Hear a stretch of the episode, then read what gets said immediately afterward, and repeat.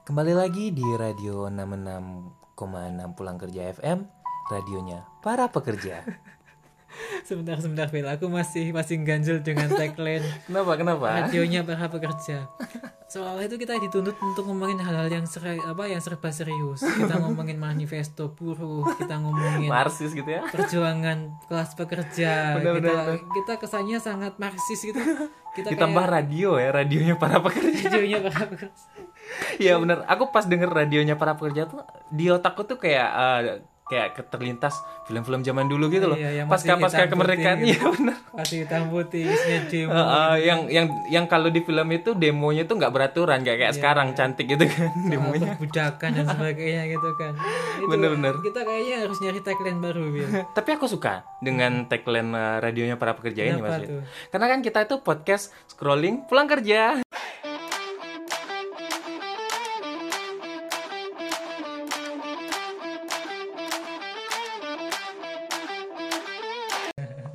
Enggak, Bill. Kenapa kenapa? Saya saya nggak mau saya dituduh atau dicap komunis kira-kira cuman tagline podcast yang nggak seberapa ini. Iya, udah podcast nggak yang dengerin nggak seberapa masuk penjara gara-gara bikin tagline. Iya, Jadi kita harus memikirkan lebih jauh seperti apa tagline kita ke Iya, iya. depan gitu. Karena kita sampai dari episode 1 sampai sekarang belum ada tagline kita. Iya.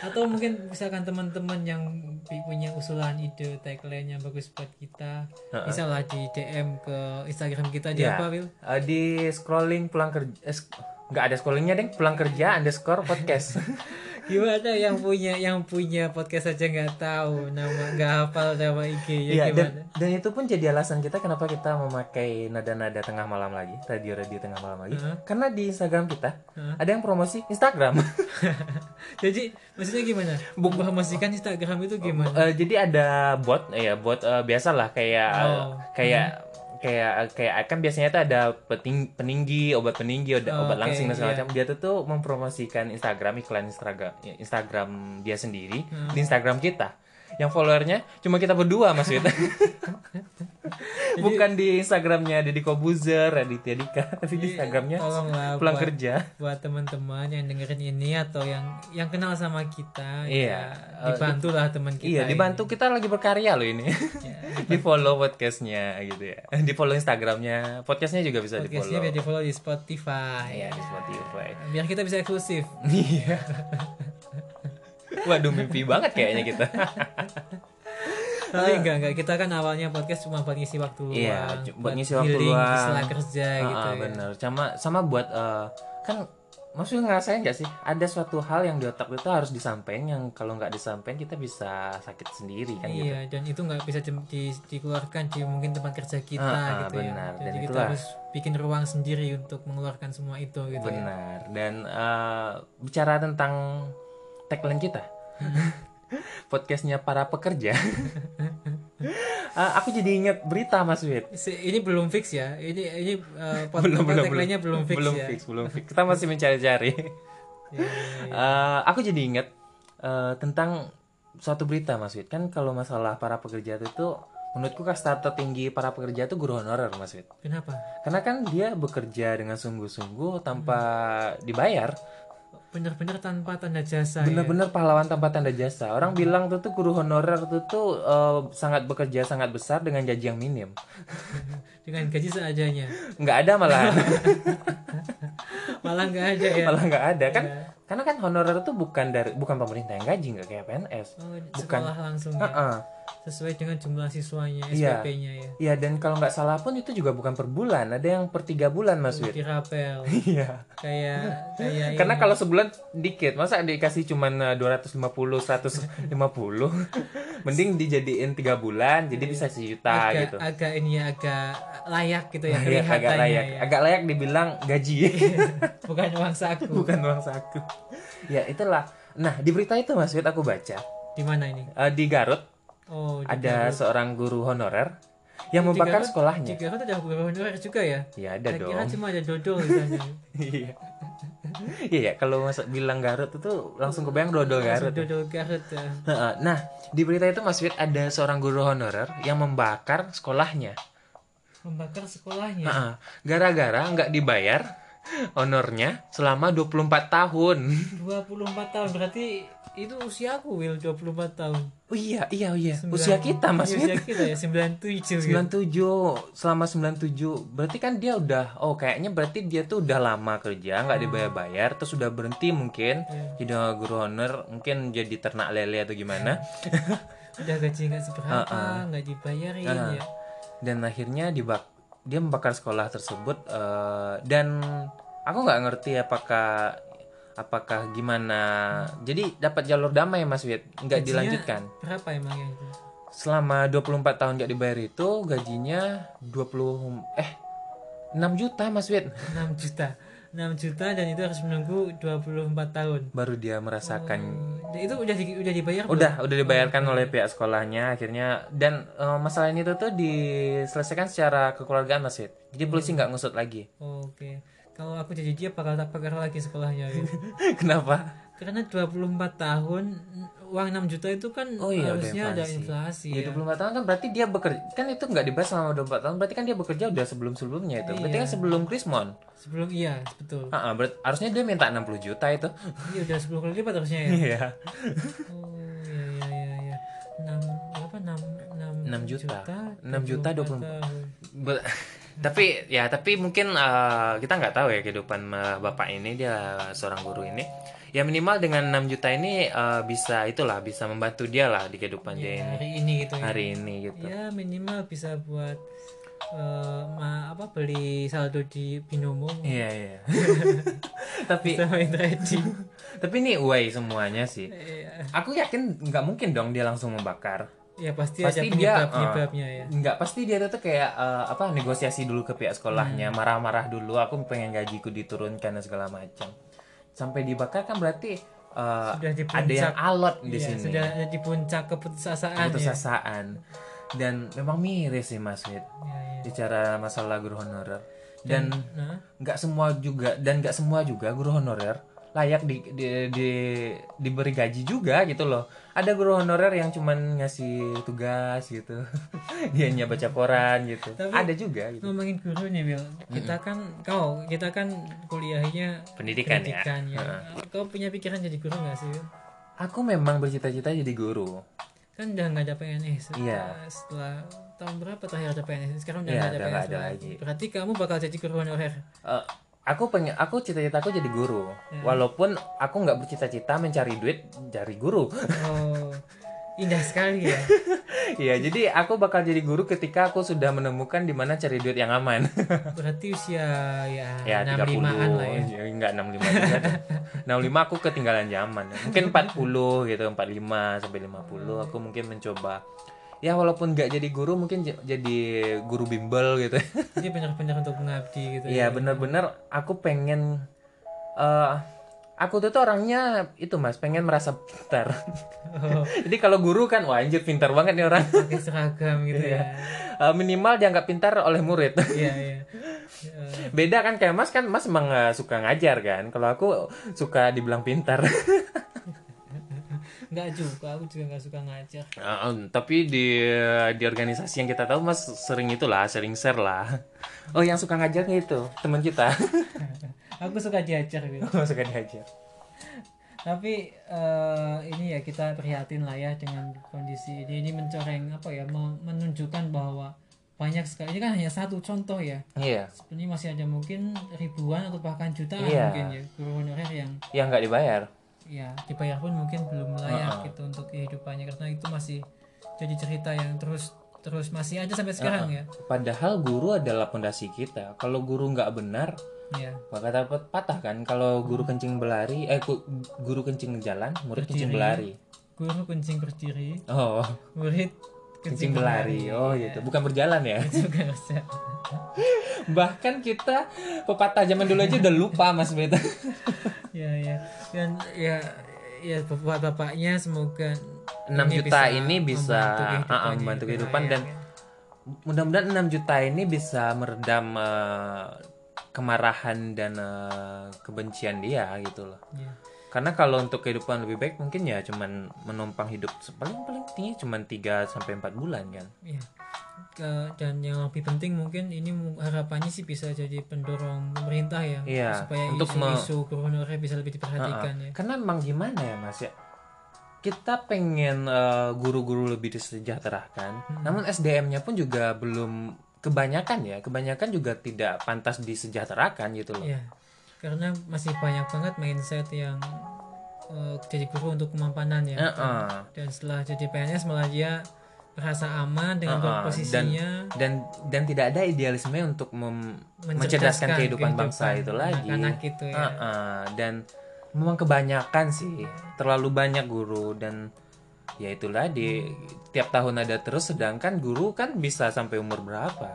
Tapi sekarang kan se ingatku kayaknya sudah penilaian PNS sudah berdasarkan kinerja ya. Oh, Jadi setiap syukurlah. periode tertentu entah tahun atau dua tahun itu dia dievaluasi.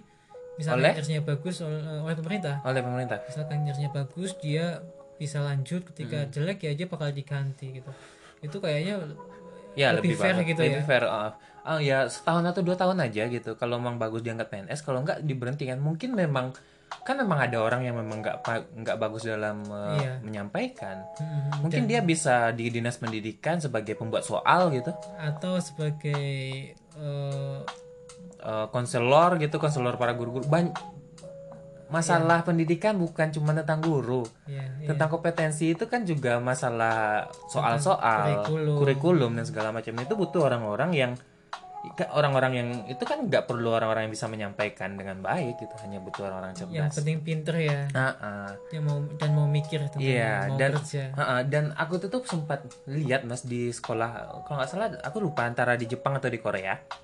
Eh, di sekolahnya itu nih sekolah swasta sih memang nggak cuma guru ada yang eh, apa ada yang bahas kurikulumnya ada yang pembikin soalnya. Jadi pembikin soal sekolahnya karena mungkin swasta mungkin ya mas aku nggak ngerti atau memang kayak gitu di luar sana ya cuman bukan di sana itu bukan cuma guru kalau di sini kan kepala sekolah merangkap jadi guru ya wakil kepala sekolah merangkap jadi guru. Nah, padahal kan nggak cuma guru, banyak pos-pos penting lain Ha-ha. yang mestinya juga diisi oleh Iya. orang yang berkualitas Ha-ha. ya kayak orang-orang yang gimana caranya nih guru-guru yang bakal ngajar murid ini juga bisa berkembang gitu. ya ya, ya. kalau misalkan kinerjanya bagus oke lah silakan digaji besar nggak masalah Iya. tapi ketika kerjanya misalkan cuma nyuruh bawahannya dan Iya. sebagainya ngasih soal-soal terus tinggal pergi ya eh, agak berat sih ya kita Iya. kita merelakan eh, apa namanya pajak-pajak kita Iya. untuk gaji mereka Ah, ya Dan merelakan slogan pahlawan tanpa jas Iya. tanpa tanda jasa ke mereka yang seperti Iya, itu iya. gitu. Memang butuh apa ya eh, re- reorganisasi sistem atau gimana yang mana bukan kita yang bakal mikirnya, tentunya pemerintah yang bakal Iya. mikir itu. ya harus sih gitu ya itu sih makanya aku pikir eh, itu jadi masalah kita. ya, ya. dan ada berita Oh lain ya, lagi ada berita lain lagi itu mas, Eh, kan ini merupakan sekolah. nah, Ada juga yang kebakaran lagi di Riau. Jadi ya Ya, bukan itu hutan ya Bukan. biasanya kan tiap tahun hutan Iya, kalau kebakaran. Riau biasanya kalau kebakaran tuh hutan sih biasanya. tapi kali ini enggak, tapi kantor Bapeda. Bapeda Bapeda kok di Riau bukannya Papua Makanan ya Bapeda. ini kantor Bapeda, Mas Fit. Eh, ada seorang suami yang membakar eh, kantor Bapeda yang mana di sana istrinya bekerja. dia dia bakar kenapa Ah, jadi di berita itu dia headline-nya nih, Mas. Dia tuh bakar gara-gara nggak terima istrinya tuh masih kerja saat hari libur. oh, oke oh itu Natal eh Natal apa Imlek kemarin Imlek ya? kemarin. Nah, usut punya usut. eh, jadi istrinya tuh tuh eh, ingin itu, ingin apa namanya? Ingin minta izin untuk pergi kerja pada saat hari tanggal merah itu. Iya. Nah, ya, suaminya ini curiga, nggak mungkin dong dan segala macam. Akhirnya dia ke kantor itu eh, bawa BBM dan palu. Jadi dia menerobos masuk pintu kacanya Palu- dipecah, palu, oh pakai Palu, palu. itu buat mecah mecahin itu. kaca, Oh, bukan buat saya kira buat bukan ini, buat itu mas. kelas 10 palu sama air Aku pun juga awalnya bingung kenapa dia bawa palu bukan korek gitu. Kupikir dia eh, mukul-mukul batu sampai muncul pecikan api gitu. Dan kebakaran enggak, akhirnya dia membakar kantor Bapeda itu. Nah, usut punya usut, ternyata dia tuh, tuh kayak curiga menanam kecurigaan gitu sama istrinya yang berselingkuh, Mas Wid. oh iya iya. Kok libur-libur masih kerja Iya, kok gitu libur-libur ya. masih kerja. Jadi eh, tapi waktu dia ke tempat kerjanya itu di kantor Bapeda itu nggak ada istrinya? Nggak ada istrinya orang libur. Oh, istrinya di rumah. Loh katanya pergi kerja. Kayaknya nggak diizinin mungkin. Aku pun juga nggak ngerti. Oh berarti nggak belum ada penjelasan. Belum ada Sebenarnya penjelasan. ke mana si istri ini? Eh, dia di rumah mas Wid pada hari itu dia di rumah berarti dia belum sempat ke kantor belum sempat ke kantor oh gitu Heeh. tak kira dia udah sempat ke kantor Iya, nah awalnya tuh kupikir eh, memang eh, apa eh, memang lagi kerja gitu kan, ternyata lebih duluan suaminya yang pergi. oh Tahu-tahu istrinya mau pergi kerja lah kok kebakar. iya iya iya dan di kantor nggak ada siapa-siapa tuh waktu itu Nggak ada siapa-siapa. Tapi aku cukup setuju Mas Wid dengan dua kasus ini. Kenapa Karena mereka tuh tuh Kamu- mengungkap kamu emang punya jiwa-jiwa kriminal ya enggak, enggak bukan itu. Karena ini Mas Wid, karena eh, keduanya itu melakukan melampiaskan eh, apa kemarahannya itu dengan cara membakar. hmm. Bukan dengan ngamuk-ngamuk, ngancur-ngancurin, tapi Nggak, dengan bakar membakar. kan sama juga mengamuk Iya, cuman itu tuh lebih filosofis Mas Wid. Membakar gitu. Jadi melambangkan kemarahan yang sangat menggebu-gebu Mas Wid. Aku suka, aku rasa dua orang ini guru honorer dan suami dari mbak-mbak yang eh, kerja di kantor Wapeda ini seorang yang puitis Mas Wid. oh, oke Makanya dia meluapkannya tuh dengan kebakaran. Hmm.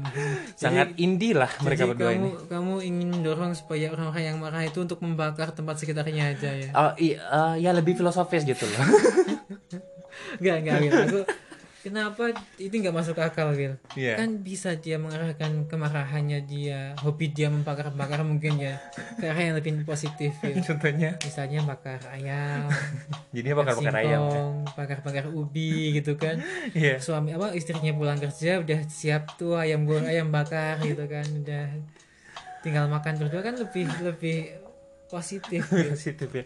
Tapi entah kenapa aku lebih apa ya, lebih suka melihat orang eh, ngebakar gitu bentuk kemarahannya daripada ngancur-ngancur ngamuk-ngamuk gitu dan segala macam ya karena itu tadi lebih filosofis gitu loh lebih Tapi, ada eh, makna di sana Tapi aku nggak paham juga kenapa istrinya itu dimarahin sama dia kan itu menunjukkan kalau istrinya adalah seorang pekerja keras ya. Iya, berarti kan ada itu mas, ada kecurigaan zaman dulu zaman sebelum sebelumnya gitu loh. Berarti ada gelagat-gelagat yang tidak menakan nih dari istrinya. Oh, Iya dong. Iya, kan- Seharusnya gitu dong. Kalau dia dia manusia seharusnya gitu dong. iya, iya, dia sempat mungkin udah sempat curiga tentang isu perselingkuhan itu ya. Iya, walaupun ini ke- ini pasangan sih ini. pasangan aneh sih ini keduanya nih. Yang suaminya kan juga bisa tinggal nanyain ke kantornya apakah beneran kerja di hari libur atau enggak gitu dan istrinya nggak bisa berpolitik gitu loh. Kalau mau minta izin ya kayak arisan gitu, Atau healing ya. healing gitu atau pergi beli popok anak dan segala macam. Masa pergi kerja? Ketahuan banget bohongnya. Dan ya ini harusnya di, direkrut sama ini sih Will sama anarko Will yang suka bakar-bakar itu Will. Kayaknya cocok nih Will sama Iya, bapak iya. ini Will. Ya, kan di formulir anarko itu ada latar belakang Mas. Ada track record. Yang sudah membakar Sudah membakar kantor Papeda. Bahkan mungkin anak narko pun yang gerombolan mungkin puluhan gak berani bakar Iya. Papeda. Dan kayaknya tuh anak eh, anak narko itu kayak itu Mas, kayak eh, nge-DM Bapak ini. Besok-besok kalau mau bakar kantor-kantor pemerintah kasih tahu ya. kita support BBM, kita support bensin gitu kan. Jadi ada tulisannya itu eh, sumpo- eh, disupponsori oleh narko. Dan ya kita kita lepas dari isu bapak dua bapak Y yang, yang membakar ini. yang membakar satunya kantor Papeda. Yang satu Papeda itu apa sih panjangnya? Itu tentang tentang Badan. pembangunan itu Mas. Perencanaan pembangunan Ah, ah. daerah ya, Iya. Papeda. Nah, aku tahunya Papeda ya yang buat Makanan. makanan dari Papua itu katanya enak tapi aku belum pernah nyobain Bil. Ah, aku juga belum pernah Aku nyoba. punya teman Papua banyak cuman nggak pernah bawain papeda. Ngakunya temen kalau pas butuh aja. Nah, apalagi nih Mas yang lagi trending. Kemarin minggu ini ya Iya. timeline Twitter itu penuh selama mungkin tiga hari empat hari gitu sama eh, pertempuran antara SJW versus SJW. Oh, tumben ya. Biasanya kucing kan. Iya, iya sampai sampai nggak muncul sama sekali video kucing di timeline krusial itu SJW SJW itu. Padahal Apa yang kan- terjadi sih? Iya, jadi awalnya itu kamu tahu Dandi Laksono tuh. Tahu Dandi lah. Laksono. yang Oh, kemarin ikon SJW Indonesia. ikon Iya. SJW. Dia jurnalis lah ya, dia Iya, jurnalis, jurnalis. dia kan sempat keliling Indonesia itu Ha-ha. ekspedisi Indonesia Biru Heeh. naik motor keliling Indonesia berdua Ha-ha. terus akhirnya bikin beberapa film dokumenter gitu Iya. dan kemarin dia mau Bikin film dokumenter baru. bikin ekspedisi baru Mm-mm. Eh, namanya ekspedisi Indonesia Baru Iya. Nah kalau sebelumnya dia sama Ucok Mm-mm. kali ini dia mau sama Bang Farid Gaban Iya. Farid Gaban itu seniornya si Danji sebelumnya sebelumnya jauh sebelum Danji dia juga sudah sempat ekspedisi juga Oke. namanya Zamrud Katulistiwa hampir sama kayak yang dilakukan naik motor juga keliling Oke Indonesia oke oke. Nah, singkat ceritanya. Nah, singkat cerita di poster itu intinya adalah Danji bilang kan dia buka relawan tuh siapa yang mau daftar boleh kalau dulu kan cuma berdua nah dia sekarang relawan Eh, mau eh, intinya yang mau jadi relawan dia harus bersedia untuk Tidak satu dibayar tahun ya? tidak dibayar Satu tahun. satu tahun kan Oh. SPnya setahun tuh Oh iya iya. iya. tahun nggak dibayar Nah, rame tuh SJW kelompok SJW. SJW, lainnya rame juga SJW circle lain. Iya, SJW circle lain. Jadi mungkin yang nggak dapat nama dia mungkin pengen cari panggung juga ya nggak tahu mungkin lah ya, kita nggak Kita- tahu. Intinya ada SJW lain yang nggak suka sama Danji karena eh, Nggak dibayar itu tadi. Heeh, nggak dibayar itu menilai hal itu sebagai bentuk perbudakan modern. Oh gitu. Apalagi kan ini isunya pas sama ini ya, pas sama yang Bupati Rangkat yang dia Iya, iya. punya jeruji besi itu untuk Iya, iya. mendorong budak-budaknya dia. Nah, akhirnya rame lah di situ saling Ya, debat. kalau kalau Mas sendiri setuju nggak ini tuh bentuk para perbudakan atau enggak? Hmm, nggak tahu ya. Kalau aku sih nggak setuju kan Iya. itu rekrutmen. Kan Anda bisa milih di sana. Ada pemilihan di sana. nggak mau pilih.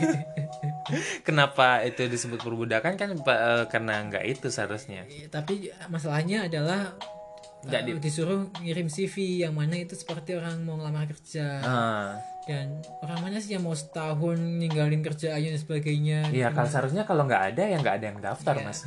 kalau kon kemarin juga debatnya kayak gitu Uh-uh. Will kalau konteksnya karya itu banyak. Hmm. sebenarnya katanya banyak itu ada pameran yang bahkan orang yang ingin memamerkan karyanya itu dia harus bayar. Iya, nah itu disamakan kayak kayak gitulah. Iya. nah akhirnya mereka ribut lah sampai ada satu eh, sutradara Agatha Songko itu dia nge-tweet tuh dia oke aku aku ikut nyumbang sat- 100 juta untuk untuk ekspedisi ini gitu kan kalau Ya. perlu nanti eh, relawannya saya saya yang gaji sesuai dengan UMR Jakarta Iya, setiap iya, iya. bulan gitu kami tinggal tanya lagi Oh akhirnya disponsori sama Angga Samsono? awalnya kayak gitu Ah. akhirnya dibuka untuk apa dibuka donasi untuk t- publik Oh, Oke, oh, oh jadinya ada dibuka juga donasi untuk untuk publik. publik. Oke, berarti berarti ini SJW SJW nggak punya duit ya kebanyakan ya. Pantesan komplain terus sama pemerintah. Gitu. Perut keroncongan. Lanjut lanjut. Nah, setelah itu masih tanyain lagi. Ah. Ini sumber dananya dari mana, kejelasannya gimana dan sebagainya. Intinya kayak gitulah. Oh, gitu. masalah sumber dananya. Ya karena kan kalau SJW sumber dananya yang nggak bagus juga nggak mau juga dong ya kan. Ya emang banyak maunya emang SJW terus. Intinya dikorek terus kesalahannya. Ada aja salahnya di situ. Akhirnya dibuatlah uh, space. Space itu kayak forum di Twitter gitu lah ya. Forum grup di Twitter. grup uh, voice cat voice call kan? Ah, ah. Jadi Itu fitur baru di Twitter, Twitter. nah, dibikinlah space itu di situ ada macam-macam tuh SJW SJW ngumpul semua aku Oh. sempat masuk tuh beberapa menit lah Oh, dia terbuka untuk umum, Mas? terbuka untuk umum siapa pun bisa masuk iya, iya. gabung aku dengerin mungkin 10 menitan lah gitu dengerin orang debat di situ dan itu masalah lagi di space itu ada satu orang yang di moderator jadi host gitu namanya SJW juga siapa HY Oh, iya. aku nggak tahu nama lengkapnya siapa nggak tahu dia siapa Eh, intinya dia namanya Ed Haye atau siapa gitu lah. dia jadi host sambil host dia mabuk Oh, gitu. dia ngaku "Sa- Ya. gua super banget nih Oh, dia kayak iya, gitu iya, lah nah iya. jaksel gitu lah Iya, iya, iya. Nah, terus ketika ada yang berseberangan langsung dia sikat ini Oh. ini room gua kalau lo nggak suka Keluar keluar, dari room gitu. ini keluar di space ini gitu Oh, gitu. Berarti udah udah mulai gitu melenceng lah udah ya mulai dengan melenceng. tujuannya yang bersama. Iya, iya, iya. Intinya kayak gitu debat-debat akhirnya masalah tapi masalah utamanya bukan di Perbudakan space ini itu. bukan di space juga. bukan yang kemudian muncul lagi setelah space ini selesai Heeh. muncul lagi masalah baru Yaitu si Haye ini yang moderatornya ini dia setelah itu dia nge-tweet intinya ngecengin ngecengin Eh, seseorang seseorang. anggota apa eh, pengguna Twitter juga saya nggak tahu siapa Heeh. yang jelas namanya ada Ed Bird apa gitulah Heeh. dibilang lah sama si Haye ini Mbak Burung intinya ya melakukan pelecehan seksual lah berarti ya seksual. secara verbal tulisan uh, ngewe yuk atau apa gitu intinya bilang kayak gitulah Hmm. yang kemudian itu diserang oleh SCW SCW lainnya tadinya teman-temannya dia Ah. nyerang lagi ini fix ini kekerasan Oh, seksual berarti ini kayak civil war ya iya jadi udah nggak jelas tuh lawan apa Mana yang lawan, mana kawan ya. di akhirnya diserang juga gitu ingat yang awalnya teman-temannya dia yang tadinya di satu di space itu satu circle geng akhirnya melawan dia semua men- apa ya me- meng- menghakimi dia semua lah ini. Iya iya. Minta diusut itu semua. Dan ternyata korbannya itu sebelum sebelumnya itu banyak. Banyak. Yang dilecehkan secara eh, virtual seperti Ah, itu oh jadinya perginya Speak melenceng up. banget ya dari Iya. Indonesia biru ke ada orang Iya, pelecehan seksual itu. ya dan ini belum selesai oh, belum kan selesai banyak yang yang speak up nih nih Heeh. di tengah perguma apa pergolakan ini tentang speak upnya si Haye ini HY ini muncullah satu orang namanya Ed Iren atau siapa gitu aku lupa Heeh. intinya dia speak up bahwa Farid Gaban Farid partainya- Gaba partnernya si Dendi si tadi Dendi Heeh. tadi, dia sempat melindungi pelaku pelecehan seksual Di yang kantornya. dia alami di kantornya. Jadi ini dulu kerja satu kantor sama si Farid si Farid Gaban. Hmm. Farid Gaban sebagai pimretnya si cewek ini itu jadi staff lah, iya iya reporter atau penulis apa aku lupa. Iya, iya. gitu. Seorang manajernya ini ada ada satu manajer di situ dia melakukan pelecehan seksual sama si eh, Iren ini Heeh. bahkan sampai ke tahap pemer, uh, percobaan pemerkosaan, ya? Di dalam kantor itu. Mm-mm. Farid Gaban tahu banyak saksi. Nah, si pernyataan si Iren ini dia dia sempat mau mengusut ke hukum katanya. Heeh. Cuman si Farid Gaban dia mengancam kalau sampai membawa ke ranah hukum saya saya bisa menghancurkan karirmu. oh gitu ada Akhirnya- pengancaman di sana Ya, dan setelah enam tahun kemudian speak up lah si Iren. Dia katanya dia sering speak up cuman nggak pernah didengar. oh Cuman ini karena momentumnya pas nama Farid Gaban naik, dia speak up lah. hmm. Setelah- Nah Farid Gaban ini kan kayak cedengkotnya SJW. Dedengkok apa Cedengkot itu kayak apa ya? Kayak Racing idola, star-nya, idolanya. para SJW, Oh ya, gitu Iron sih. Man-nya lah ya. Akhirnya karena dia juga sama pemerintah sangat keras, Phil. Oh, Apa pun yang pemerintah lakukan dikritik lah sama Iya, dia gitu. Nah, akhirnya banyak tuh SJW, SJW betulan SJW semuanya dia Menyerang Farid Gaba. menyerang Farid Gaban meng- meng- lebih tepatnya mengutarakan kecewaannya dia dan menekan dia untuk menyelesaikan masalah ini meminta pertanggungjawabannya dia gitu Ah. dan ya kemudian muncullah eh, istilah tajam ke atas tumpul ke circle Iya, emang Karena- kayaknya mereka baru sadar gitu. Padahal SJW itu tuh memang main circle aja iya, sebenarnya. sama circle-nya dibaik-baikin kalau Iya. ada masalah lembek jadi lembek gitu ya Iya. tapi setelah kalau kalau kalau sama pihak lain yang mungkin berseberangan sama dia atau sama uh, petinggi-petinggi dia sangat keras gitu Iya, Yuh, jadinya melebar banget ya dari ekspedisi Iya. Indonesia Baru malah menjadi Hmm. menimbulkan eh, kesempatan untuk terbukanya ada kasus-kasus tentang eh, pelecehan seksual. Nah, jadinya tuh gimana? Ini akhirnya dan Laksono ikut speak up Ah, dengan berkata hati dia terpaksa untuk membatalkan. membatalkan Iya, ekspedisi benar. Indonesia Baru ya semua menyesalkan itulah kita tahu uh, karyanya Dandi keren banget Iya. yang tahun yang kemarin-kemarin kan Mm-mm. dan, dan banyak orang yang uh, berharap banyak dengan ekspedisi ini pasti bakal keren lebih keren Ah. anjing aku segukan Minum dulu masih minum minum minum minum. Mau Buat Ah. para pendengar juga silakan minum dulu. jadi ya kita Iya. juga kayak kemarin ada ada apa uh, seksi killer Iya, Seksi Killer. si asimetris Heeh. Banyak film-film yang bisa membuat perbincangan di Iya. publik gitu kan Tapi aku setuju dengan Dandi. Memang harus dibatalkan. Karena kalau tidak dan dia masih dengan Farid Gaban dan pastinya dia kan merancang itu dengan Farid Gaban, nggak mungkin dia tiba-tiba pergi dengan orang lain dan segala macam. Dan kalau tetap dilanjutkan itu kan seperti kita tuh eh, mendukung eh, Apa dia yang dilakukan apa yang oleh dilakukan oleh partner dia tersebut. Dan ya aku nggak ikutin Twitter. Aku ngikutin Twitter. Aku ada Twitter. Cuman untuk nonton bola ilegal. Asik banget ya pertempuran apa pun yang Iya, di iya. Twitter itu bisa jadi jadi uh, perdebatan. Iya memang. Orang-orang di Twitter tuh, tuh makanya aku tuh selalu bilang SJW SJW Twitter tuh, tuh mereka tuh, tuh keren menganggap keren dirinya sendiri. Karena main circle itu tadi. Dan aku kan per- pas mahasiswa dan pernah jadi aktivis aku pun juga nyadarin mas. Hmm. kita di circle kita sendiri di organisasi kita sendiri kita biasa-biasa aja. Tapi ke kampus kayak tajam banget gitu Iya, iya, padahal keuangan organisasi kita juga belum sebagus itu gitu apalagi mereka pakai bahasa-bahasa yang sulit dipahami ya. Mm-mm. itu bikin kita yang orang awam baca wah keren banget ya Iya. gitu, gitu ya keren belum tentu benar belum tentu Keren. benar. Keren. karena ketika itu sulit dipahami maka itu keren Iya, maka itu keren. Dan ya apa ya? Ini tuh menjadi pelajaran buat kita bahwa sebenarnya SJW itu juga manusia lagi.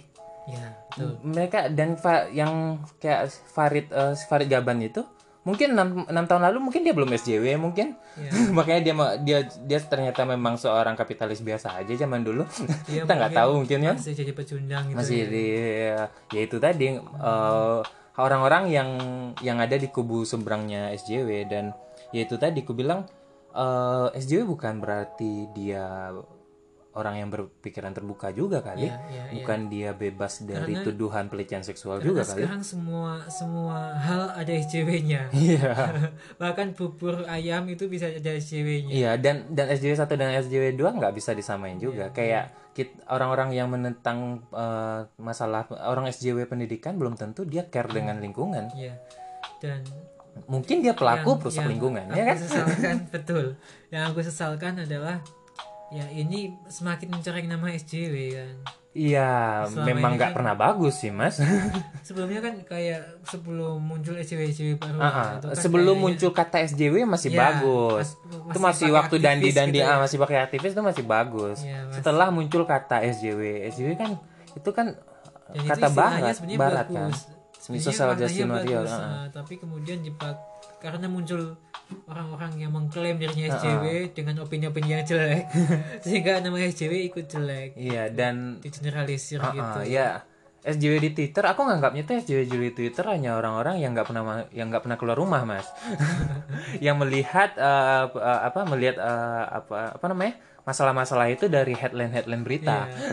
dia dia lihat lihat apa lihat ada video kucing di Ah. di apa di siksa misalnya dia marah-marah di Twitter ketika ada di depan pintunya ada kucing ngeong-ngeong dia usir juga ya diusir juga nggak dikasih Gitu ya. juga dan itu tuh sekarang tercampur dengan rombongannya rombongan Dandi itu tadi kan Iya, segala iya. macam yang belum tentu visinya Ah, sama tapi karena dia ikut-ikutan vokal dan Iya. Seolah mendukung jadi ke bawah ke circle itu ya Dan- jadi circle-nya. dan aku memang nggak setuju dengan cara SJW di Twitter itu karena eh, mereka itu nggak cantik gitu loh nggak cantik mainnya. Mainnya. kalau kamu kayak gini deh aku nyuruh Mas eh, minum obat tapi dengan cara ngomel Mas mau minum obat?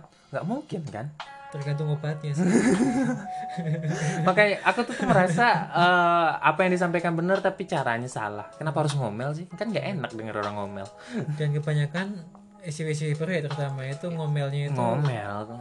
nggak pakai dasar yang kuat. Iya dan dan kenapa harus cuma pengen keren aja. Ah, gitu. kenapa harus memasukkan amarah di sana? Padahal dengan ada cara lain gitu. Hmm, hmm, hmm. tapi kau sempat jadi Will ah enggak aku sempat jadi eh, aktivis lah beberapa di apa di Kampus. di kampus tuh. Dan aku pun juga enggak aku pun juga ngerasa gitu loh.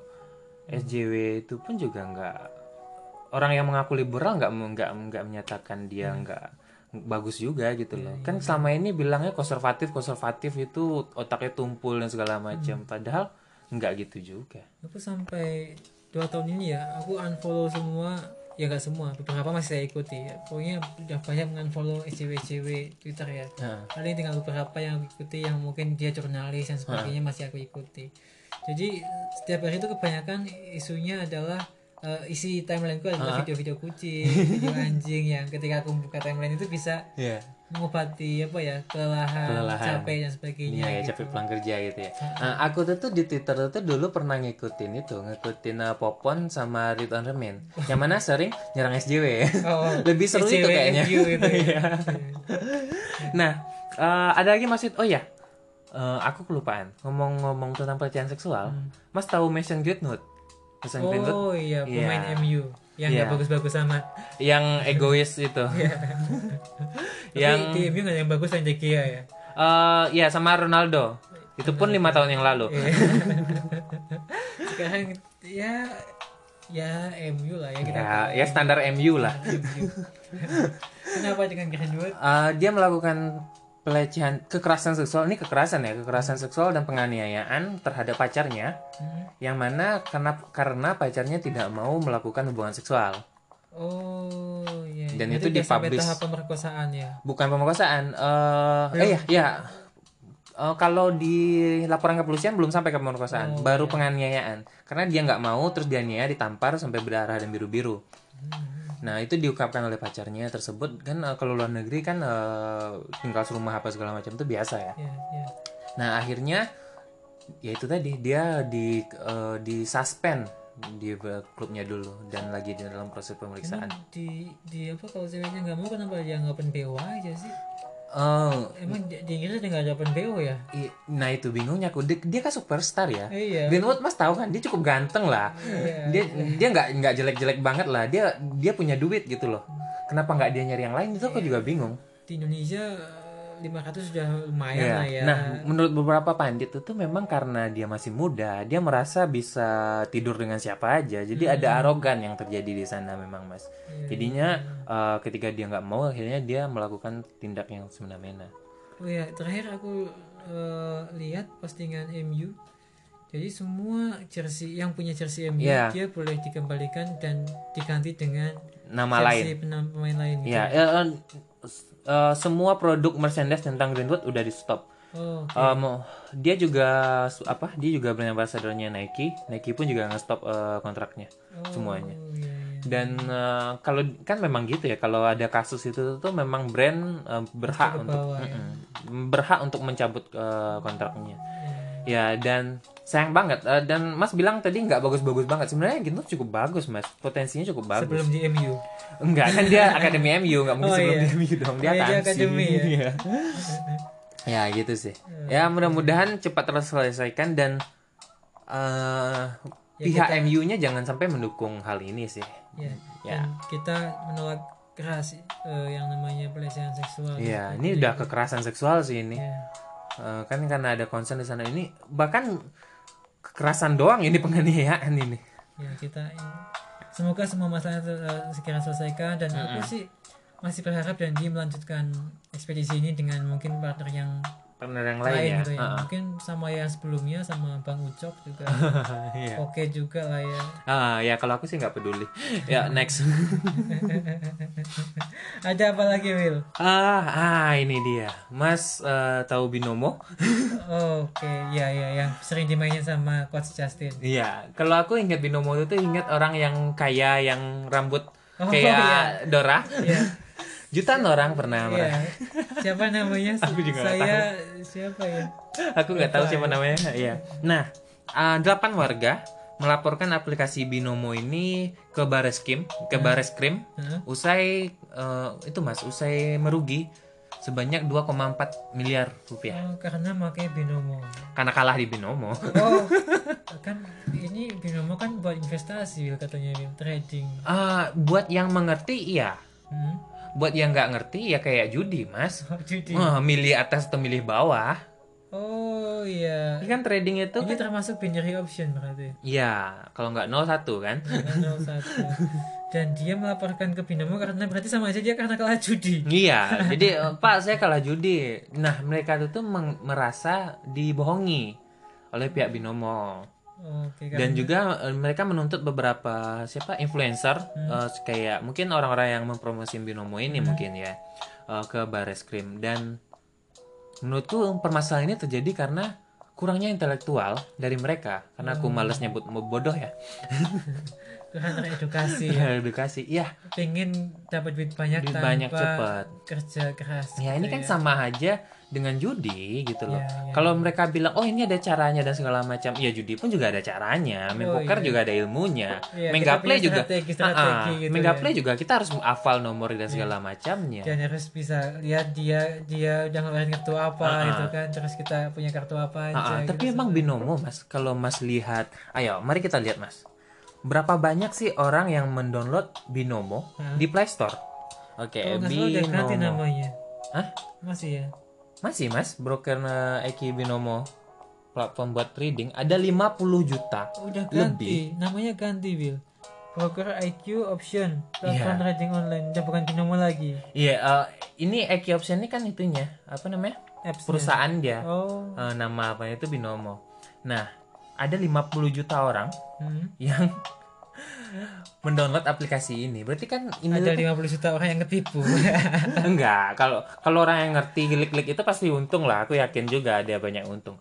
Nah, maksudku eh, anggaplah ini 50 persennya. Ada 25 orang yang yang pengen beli 5 juta yang pengen duit duit duit instan gitu loh duit instan gitu loh nggak pengen proses pengennya langsung kaya dan segala macam gitu dan tergiur dengan eh, si orang-orang yang pakai baju itu tadi. Yang pakai rambut Dora itu. Yang dia dapat untung puluhan Iya, berapa dolar gitu ya. Ya yang katanya punya itu kapal pesiar. Nggak- taunya mereka dia cuma aktor. Dan katanya miskin dia mau kerja miskin. Iya dia mah- um, ya dia mengakui pun dia miskin. Dia kan cuma aktor gitu. Dan dia karena nggak bisa pulang apa ya terus ditawari ditawari Iklan. jadi bintang iklan sama Binomo iya dan tapi itu emang aku kesel banget Bel, waktu awal-awal setiap video ada dia Ada dia. sampai aku Mukanya ngeselin. iya. sampai sekarang Gila juga aku masih dan nggak bisa di skip loh 5 atau 10 Oh, iya. detik itu Iya. nggak bisa langsung skip sampai sekarang aku masih kesel ketika ada youtuber gitu yang yang sebelum ke video aku mau tunjuk gua mau tunjukin dulu nih cara nyari duit Iya, siapa gampang gitu ya. gampang anjing itu Ya, koridor juga ada kayak gitu Iya. cukup Justin kalau kalau aku lebih ngeselin kalau di tengah-tengah kan lagi video asik-asik nonton tengah-tengah itu dia mempromosikan Mercedes Mer- Mercedes dia. Oh iya. Mana Mercedesnya nggak bagus-bagus banget. Tapi, tapi mungkin karena dia udah berani uh, ngejual Jual di Mercedes. YouTube mungkin layak sih. Iya ya bakar ya mungkin followernya bakal beli gitu kan fans-fansnya bakal beli dan segala macam. Yang yang aku bocil-bocil ya. Heeh, yang yang aku malesin itu kenapa di tengah video gitu loh dan mereka tuh kayak tahu gitu loh ini tuh lagi pick-picknya konten dia ditaruh di sana. Ya itu sih. Ada lagi mas Wid? Hmm, berita-berita kita kayaknya udah ini Will udah aku sih udah habis. Udah habis? Aku udah Oh, aku ada banyak kayak itu Ivan Gunawan akhirnya beli oh. doll apa namanya? Spirit doll lagi. Penting banget ya. Penting banget itu. Penting banget ya. Itu Aku- berita- pasti jadi headline. Headline headline di mana-mana. nasional. karena kan dia sempat eh, ngejual spirit doll dia karena dihujat netizen akhirnya dia beli lagi dan segala macam. Eh, penting banget buat netizen kita. Aku sih nggak masalah ya dia mau mau punya spirit doll mau punya Pinocchio terserah. Yang aku bingungin kenapa penting banget buat netizen gitu loh.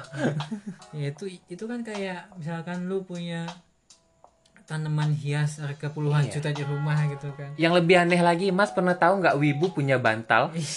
Gambar anim waifu. Waifu dia. Yang mana itu dipeluk-peluk terus dan nileran di sana. Iya dan? Tau tau gak sih kenapa dan itu nggak pernah jadi masalah gitu loh. Kenapa spirit doll jadi masalah gitu loh? Tau tau ada video uh, wibu gitu. Heeh. dia uh, bikin tiktok atau apa aku lupa. Dia lepas baju terus ada ada waifu apa ditempel gitu situ.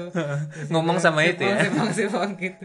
Dia sampai gerak-gerakin pinggangnya dia ke depan gitu ke mukanya si siapa waifunya ini sambil lepas poster baju. waifu dia itu sambil lepas baju ya itulah ini udah kena kena mental sih kalau menurutku itu bukan wai lagi itu. emang aneh tuh emang emang harus perlu bantuan profesional itu sih yang bikin wibu-wibu itu namanya jelek mungkin ya. Iya, padahal eh, banyak wibu yang itu yang banget berkarya. Selama tahu banyak beberapa kayak eh, VTuber-VTuber itu yang dia tuh udah collab dengan artis-artis eh, luar Jepang gitu loh. Hmm, Karena karena suaranya bagus, karena dia voice actingnya bagus. Itu kan seni, Mas. Voice acting kan susah sebenarnya. ya ya ya nggak bisa aku suara yang kayak gini jadi jadi kayak Iya. suara suara yang wibawa gitu nggak bisa ya Ya, eh, kalau voice acting tuh minimal harus bisa tiga itu. Mau dia anak kecil, mau dia dewasa, mau dia biasa.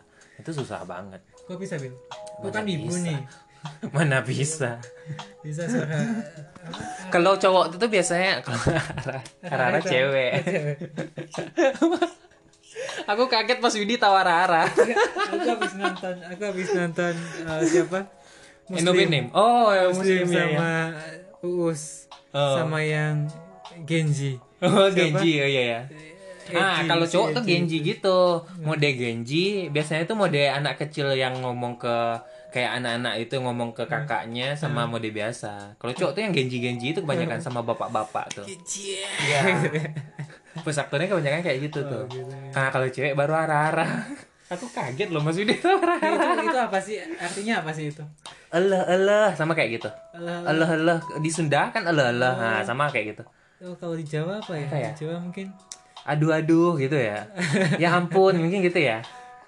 Sama kayak gitu. mungkin itu mungkin apa ya Mungkin bahasa lain. Pokoknya tuh kayak eh, tapi aku masih kekeh bahwa wibu ini aneh makhluk yang aneh makhluk yang aneh ya. Padahal eh, wibu itu lebih banyak loh sebenarnya marketnya itu tuh dengan eh, K-pop. Cuman lebih lebih lantang aja K-pop. oh iya gitu misalkan Ah, Udahlah nggak usah dibahas. Saya pun takut dengan mereka. jangan kasih panggung ya.